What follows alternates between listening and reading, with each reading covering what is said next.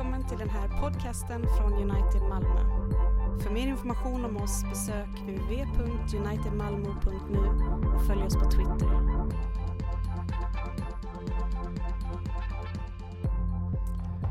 Låt oss få bli stående och be om att Gud förökar vår hunger efter livets bröd. Jesus Kristus, du livets bröd. Du mättade alla som kom till dig och ingen behövde gå bort hungrig. Vi ber dig, låt Guds ord mätta oss och vara för oss det bröd som ger evigt liv. Dig vare ära i evighet. Amen. Upplyft era hjärtan till Gud och hör det heliga evangeliet enligt evangelisten Johannes. Vi läser från kapitel 6 och verserna 1 till 15. Sedan for Jesus över till andra sidan av Galileiska sjön, eller Tiberiassjön. Mycket folk följde efter därför att de såg de tecken han gjorde genom att bota de sjuka. Och Jesus gick upp på berget och satte sig där med sina lärjungar. Det var strax före judarnas påskhögtid. När Jesus lyfte blicken och såg att så mycket folk var på väg till honom sa han till Filippos, var ska vi köpa bröd så att alla dessa får något att äta? Det sa han för att pröva Filippos. Själv visste han vad han skulle göra. Filippos svarade, det räcker inte med bröd för 200 denarer om de ska få en bit var. En av lärjungarna, Simon Petrus bror Andreas, sa, här är en pojke som har fem kornbröd och två fiskar. Men varför slår det till så många? Jesus sa, låt folket slå sig ner. Det var gott om gräs på den platsen. Och de slog sig ner, det var omkring 5000 män. Jesus tog brödet, tackade Gud och delade ut dem, ut dem som låg där och likaså av fiskarna så mycket de ville ha. När de hade ätit sig mätta sa han till lärjungarna, samla ihop bitarna som har blivit över så att ingenting förfars. De samlade ihop dem och fyllde tolv korgar med de bitar av de fem kornbröden som hade blivit över när de ätit. Då människorna såg vilket tecken han hade gjort sa de, detta måste vara profeten som ska komma hit till världen. Men Jesus som förstod att de tänkte tvinga honom med sig för att göra honom till kung drog sig undan till berget igen i ensamhet. Så lyder det heliga evangeliet. Lovad vare du, Kristus. Vi befinner oss nu mitt i fastan. Ganska exakt har vi precis placerat och eh, det finns en likhet med oss och folket i den här texten. Vi har följt Jesus på en vandring ut i ödemarken. I ödemarken är det svår terräng, det är kajt, där växer ingenting. Man kan bli trött, man kan bli gnällig därför att man är hungrig. Det blir man om man fastar. Oavsett var man fastar ifrån. Kanske du fastar från Netflix eller Facebook och du tänker att det är ditt stora offer. Så har du märkt det att man blir lite sugen. Det finns någon otillfredsställelse. I alla fall är det så med mig. Om jag fastar från hunger så det första som kommer fram det är inte fromheten. Utan det är ju hur oerhört beroende jag är av att föda för att bara överhuvudtaget inte överleva utan vara trevlig. Men fastans uppgift är inte att göra oss fromma, utan att inse att vi behöver någon hjälp utifrån. Någon som är mycket mer from än vi. Någon som har bestått provet inför lagen. Fastans uppgift är att hjälpa oss inse att Jesus, om inte du griper in, då är det kört. Fastan den för oss i närkontakt med vår egen fattigdom. Och förhoppningsvis när vi kommer mitt i fastan, för då har vi spenderat den första tiden av fastan på att titta på oss själva. Men så kommer midfastosöndagen, mitt i fastans period. Och den har till uppgift att, okej, okay, du vet vad? Det är färdigt att se på dig själv nu. Nu får du lyfta blicken och se på Jesus. För från och med nu så vandrar vi tillsammans med Jesus mot korset. Och han hänger på det korset. För att du och jag, vi suger på att fasta. Vi består inte det provet. Utan vi faller när vi blir hungriga när vi törstar efter bekräftelse, när vi törstar efter snabba fixar. Och det är vad den här texten handlar om. Jag ska tala om tre enkla ord på P naturligtvis. Väldigt kort, det är torsdagsmässa så vi har inga långa predikningar. Jag ska tala om prövningen, jag ska tala om pojken och jag ska tala om perspektivet. Prövningen, vem ska lösa problemet? Pojken, vad ska man med en sån liten skit till? Och perspektivet, var fäster jag min blick? Kanske inte vi förstår det, men den här texten är en prövning. Det står faktiskt mitt i texten. Det står i vers 5 och 6 att Jesus, han har fått syn på någonting. Och han berättar ju sen att han är livets bröd. Vi har ju läst slutet av historien. Men han vänder sig till Filippos och säger, vem ska fixa det här? Vem ska ge dem mat? Det sa han för att pröva Filippos. Själv visste han vad han skulle göra. Det är evangelium. Men innan evangeliet kommer så kommer det alltid en prövning. Det är lagens uppgift. Peka på behovet, peka på vad som behöver göras. Här är mycket folk, 5000 män plus kvinnor plus barn. De har varit här ute i ödemarken. Jesus har en poäng. Det är inte så att Jesus har gått vilse och säger oj, det här planerar vi inte riktigt bra. Han är ju den allsmäktige. De har gått flera dagsfärder ut och det är inte öken så som vi tänker på det utan ödemarken i Israel den är klippig, den är stenig, den är svår. Så de är trötta. Och då kan man tänka Jesus, hur var nu det här? Jo, han leder dem ut dit med en mycket djupare syfte. Här finns inga sädeskorn att plocka. Här finns ingen olivträd som du kan gå och tugga på. Här är det helt kargt. Nu har jag lett dig ut i tomma intet. Och så vänder han sig till Filippos och säger, vem ska fixa det här? Och Filippos tolkar ju prövningen fel, precis som du och jag. Vi vill ju vara överlåtna, brinnande fixar-kristna. Så han direkt börjar rota i plånboken. Och så bara, ja, eh, eh, alltså det blir svårt det här. Vi har, vi, vi, vi, vi har pengar, men 200 denarer, vilket är mycket pengar. Jag vet inte varför man har så mycket pengar med sig ut på öknen. Men det räcker inte. Och även om det skulle räcka, var ska vi köpa bröd till så många? Och så faller Filippos i prövningen. För prövningen handlar inte om om Filippos ska kunna fixa detta. Utan prövningen är om han ens ska försöka fixa detta. Det är så typiskt oss, sen syndens fall i Edens lustgård, så har vi försökt sträcka ut vår hand och säga kan själv. Att rycka till oss och fixa och trixa det vi behöver. Filippos går i fällan. Det rätta svaret på provet, det är inte aj aj kapten, det ska vi försöka fixa. Utan det är Filippus, vem ska nu ge mat till alla de här? Vem ska fixa problemet? Det är att säga, Herre, du om någon vet att inte jag kan. Bara du Jesus är den som kan ge det bröd som mättar hungriga själar. Och vi kommer till att stå där i det provet och tänk så många gånger vi har det på personligt nivå. Vem ska göra mig lycklig? Vem ska fixa det här nu då? Vem ska lösa detta? Vem ska, vem ska liksom lösa ett genombrott? Och så kan vi tänka att överlåtna kristna, det är de som ser till att det händer. Och på ett sätt så är det faktiskt så. Men inte genom att hända själv. Kommer du ihåg vad vi sa på 90-talet? Om ingenting händer, händ själv. Och så gick vi i fällan. Utan när ingenting händer, lägg dig själv i Jesu händer. Amen. Att vandra med Jesus och verkligen leva i förtröstan, det är att faktiskt ta det coolt när ingenting händer. Och lita på att mitt liv och det här problemet, det står i Guds händer. Prövningen är alltså inte att försöka mätta alla och det kan ju också vara prövningar som inte har med oss själva att göra. Det kan vara prövningar i en kyrka, det kan vara prövningar i familjen. Och vi ser alltihopa och så är det som att Jesus säger till oss, vem ska ta hand om det här? Det kan vara lagens ord som kommer till det, vem ska älska min nästa? Och så kan vi säga, ja, det ska jag göra. Nej, förstår man rätt? Jo, det är ett bud, vi ska göra det. Men vi räcker inte till. Så att vi måste komma till Jesus med det här problemet. För det slutar inte med att han säger så nej okej då struntar vi i dem. Utan vi måste komma till Jesus och säga, Herre, jag kan bara älska om du älskar mig först. Under den här fastan så har du mött prövningen. Gå inte i fällan. försök att lösa det. Det här är naturligtvis en återspegling av den stora berättelsen om den stora folkskaran i den stora ödemarken. När Gud befriar sitt folk från Egypten. Tar dem ut i ödemarken, same same, så är de där.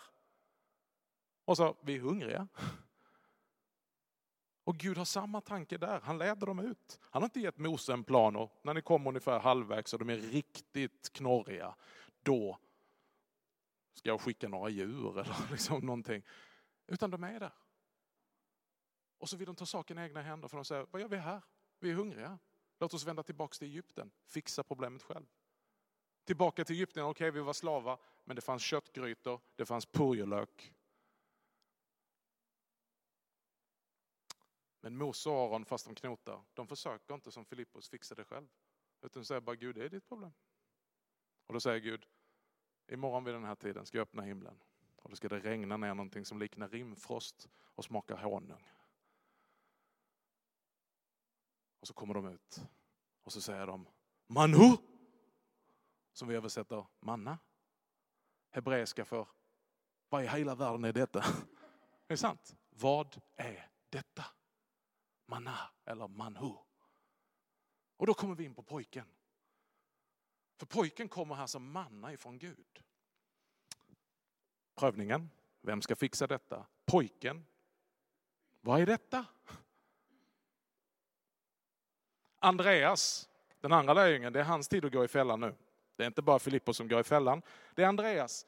Och problemet är att nu kommer jag paja han för dig, för att du vill ju göra honom till hjälten i historien. Han är ingen hjälte i historien. Vi måste lära oss att det finns inga andra hjältar i historien än Jesus Kristus. Så att Andreas, han har också försökt lösa problemet precis som Filippos, men han har inte tillgång till plånboken så han har gått som en tullare genom hela skaran för att se, är det någon som har en liten lunchsäck med sig?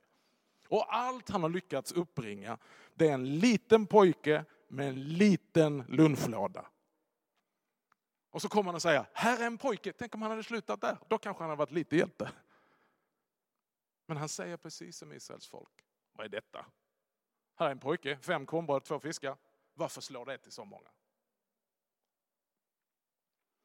Israels folk var inte jätteimponerade av mannat, men det mättade. Någonting enkelt, någonting litet, någonting som du inte kunde identifiera och som var värdelöst dagen efter. Men det mättade dem. Det höll dem vid liv. Och det var en smak. Varför smakade det honung? Ja, kanske för att Gud hade lovat dem ett land som skulle flyta av mjölk och honung. En smak av framtiden. Ikväll ska vi få smaka någonting som är en åminnelse av vad Jesus Kristus har gjort för oss. Men också någonting som är en påminnelse om var vi är på väg. En smak av framtiden. Lammets bröllop. Andreas försöker precis som Filippos lösa uppgiften. Han kommer med den lilla pojken. Men han är inte imponerad. Vad ska vi med det här? Det är allt som finns. Ska detta kunna hjälpa till?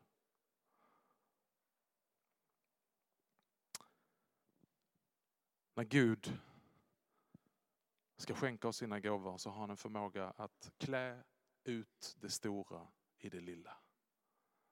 Han döljer sig bakom det svaga. Han döljer sig bakom det fattiga. Och han kommer till oss som en liten pojke. När Gud sänder sin son så kommer han nästan oannonserad, ja annonserad av profeterna men obemärkt av alla andra i ett litet stall ute på landsbygden. Det finns ingen välkomstkommitté. Och så tittar vi ner och vad ser vi i krubban? En liten pojke. Världens frälsare. Änglarna förkunnar det. Profeterna har profeterat det. Ängeln har sagt det till Maria. Men allt vi ser, här är en liten pojke. Vad ska vi med han till? Här har vi han, han som ska lösa. Fridsfursten, väldig Gud, är vi fader. Förstår du det? Vi tycker det är så gulligt på jul, men det är precis samma effekt. Här står 5000 män plus kvinnor plus barn och här kommer Andreas. Här är en liten pojke, men vad ska vi med han till? Är det inte så vi kan känna inför den lilla pojken i krubban? Är det inte så vi kan känna inför den korsfäste på korset? Är det inte så du kan känna ikväll inför predikans enkla ord? Är det så Gud verkar? Genom ord från en ofullkomlig människa som själv behöver hjälp. Satser, meningar, dålig grammatik. Men det är genom de levande orden som han skapar tro. Genom enkelt bröd och vin man kan säga som Israels folk när man kommer fram för 111 gången och får en liten veteoblat i handen och en liten sipp vin. Ja, Vad ska vi med detta till? Varför slår det till mina problem? Men Gud har lovat att genom det enkla, genom det lilla, genom det dåraktiga. Han har övergett det starka för att låta det starka stå där med skam. För att visa att i svagheten så är kraften så som störst. Under fastan prövas vi. Vi försöker fixa problemet. Vi kommer till slutet av oss själva. Det är fastans syfte. Att inse att vi kan inte. Då kommer vi fram inför någonting som ser så lite ut. Och det är så svårt för oss att tro. Varför ska jag gå på mässa? Ja, men jag var ju här i söndags. Vad tjänar det till? Varför slår det för mina problem? Och då får vi göra det Jesus gjorde i början av texten. Vi får lyfta blicken. Allt det här börjar för att Jesus först har gått upp på ett högt berg själv. Och sen när han är på ett högt berg så har han lyft blicken. Varje gudstjänst har ett enda ärende. Varje predikan har ett enda ärende. Det är att lyfta din blick. Den gudstjänsten som inte lyfter din blick utan som får dig helt självupptagen, den står inte i evangeliets tjänst. Mitt enda ärende här ikväll är att hjälpa dig att lyfta din blick och fästa den på Jesus Kristus och hans fullbordade verk för dig. Att lyfta din blick till nattvardens gåvor och att Jesus kommer till dig i form av bröd och vin. Att lyfta din blick ifrån plånboken. Du vet Filippos, han står och tittar i plånboken. Och Andreas, han ser bara på det yttre på pojken. Men Jesus, han vill ge oss perspektivet. Lyft blicken. Det är budskapet som går som en röd linje från Abraham. Han tittar på sin gamla kropp. Han tittar på Saras döda modersköte. Och så hör han Guds ord. Du ska bli far till ett stort folk. Jag ska ge dig en löftesson. Manhu. Manha. Ha ha, sa Sara. Hur ska det gå till? Abraham, lyft din blick. Räkna stjärnorna. Jag behöver mässan. Jag behöver mina bröder och systrar. Det kvittar hur mycket som jag har försökt fylla mig med här inne. Det kvittar nästan själv vad jag gör. Utan jag behöver min bror och min syster, jag behöver predikan. Jag behöver komma och lyfta min en blick. Det börjar i lovsången, det börjar i bönen och så börjar vi liksom få upp den ifrån den här inkröktheten i oss själva. För det är syndens natur. Det är att bli self-obsessed. Att bli självupptagen. Att bli en expert på att se på sig själv och sitt tillkortakommande. Vet du vad problemet är med vår generation som tar selfies? Det är att det är ett bra sätt att antingen föda högmod eller självförakt. För att alla de här selfiesen, där ser vi antingen, hmm, jag är rätt bra, rätt snygg, eller för oss andra, jag är rätt fet. Oj vad näsan ser ut som den fått liksom, sån här invasion av, vad heter det? Ja. Ju mer vi bara stirrar på vår egen bild, ju mer nedslagna kan vi bli. Men vi är inte kallade att vara självupptagna. Vi kallar det att fästa vår blick på Jesus. Tänk att Hebreerbrevets författare, när han i Hebreerbrevet 12 säger Låt oss nu lägga av allt som tynger oss, särskilt synden som snärjer oss och ha blicken fäst på Jesus. Trons upphovsman och fullkomnare. Så hur blir man av med sin synd? Behöver man inte titta den verkligen i ögonen? Behöver man liksom inte hålla koll på den? Nej, vad säger Hebreerbrevets författare? Vi ska göra oss av det som tynger oss. Det som vi bär och det som är den här rösten. Vem ska ge dem mat? Vem ska fixa detta? Hur ska jag bli lycklig? Här är en liten pojke. Vad hjälper det? Lyft blicken. När du nu alldeles strax kommer fram och tar emot gåvorna. Lyft blicken. Lyft blicken ifrån oblaten. Lyft blicken ifrån vinet. Lyft blick, blicken ifrån Jonas. Lyft blicken upp till han som har levt för dig. Som har vandrat genom ödemarken utan att falla för dig. Som har avstött föda för dig. Som har avstått att göra det som Filippos och Andreas ville göra. Ta saken i egna händer. Satan kommer och frestar honom och säger Om du är Guds son, bevisa det. Gör de här stenarna till bröd. Han faller inte i det. Han försöker inte fixa det själv. För han har lyft blicken. Låt oss nu lyfta blicken till Jesus Kristus, trons upphovsman och fullkomnare. Prövningen du går igenom är inte om du kan fixa det, utan om du står emot frestelsen att sträcka ut din hand och lösa dina egna problem och komma med dem till Jesus istället. Och säga Herre, i dina händer. Ära vare Fadern och Sonen och den helige Ande. Nu och alltid och i evighet och evighet. Amen.